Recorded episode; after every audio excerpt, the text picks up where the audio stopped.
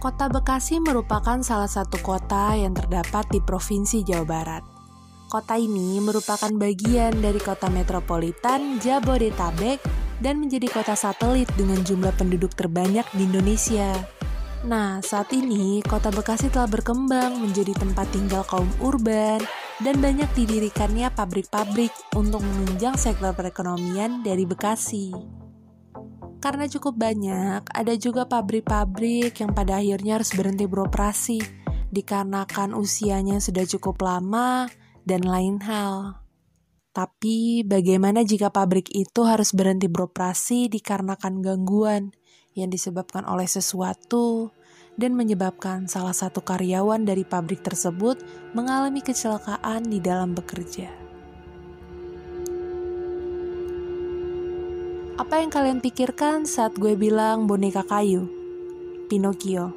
Pasti pada tahu dong dongeng Pinocchio, boneka kayu yang hidup menjadi anak kecil laki-laki untuk menemani ayahnya Gepetto. Tapi sih gue gak akan bahas Pinocchio di sini, karena yang akan kita bahas adalah misteri X pabrik boneka kayu di Bekasi. Selamat mendengarkan.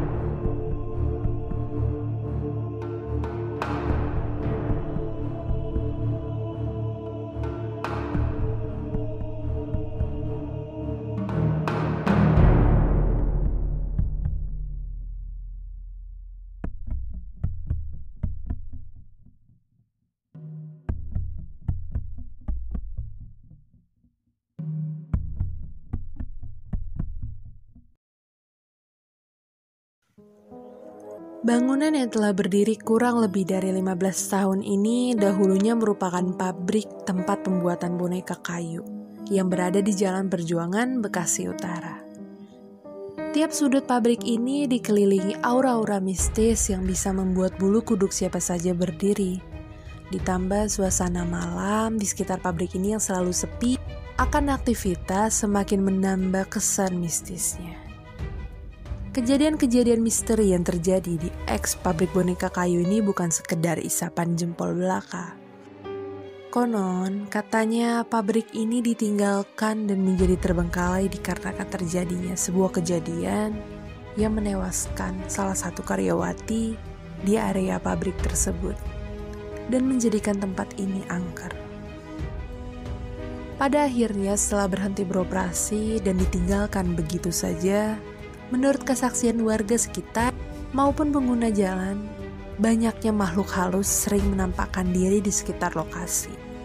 Bahkan, kini tempat tersebut konon katanya menjadi istana persinggahan para makhluk halus. Suara tangisan anak kecil dan sosok yang menyerupai karyawati dari pabrik itu menjadi sosok yang sering terlihat berada di kawasan pabrik.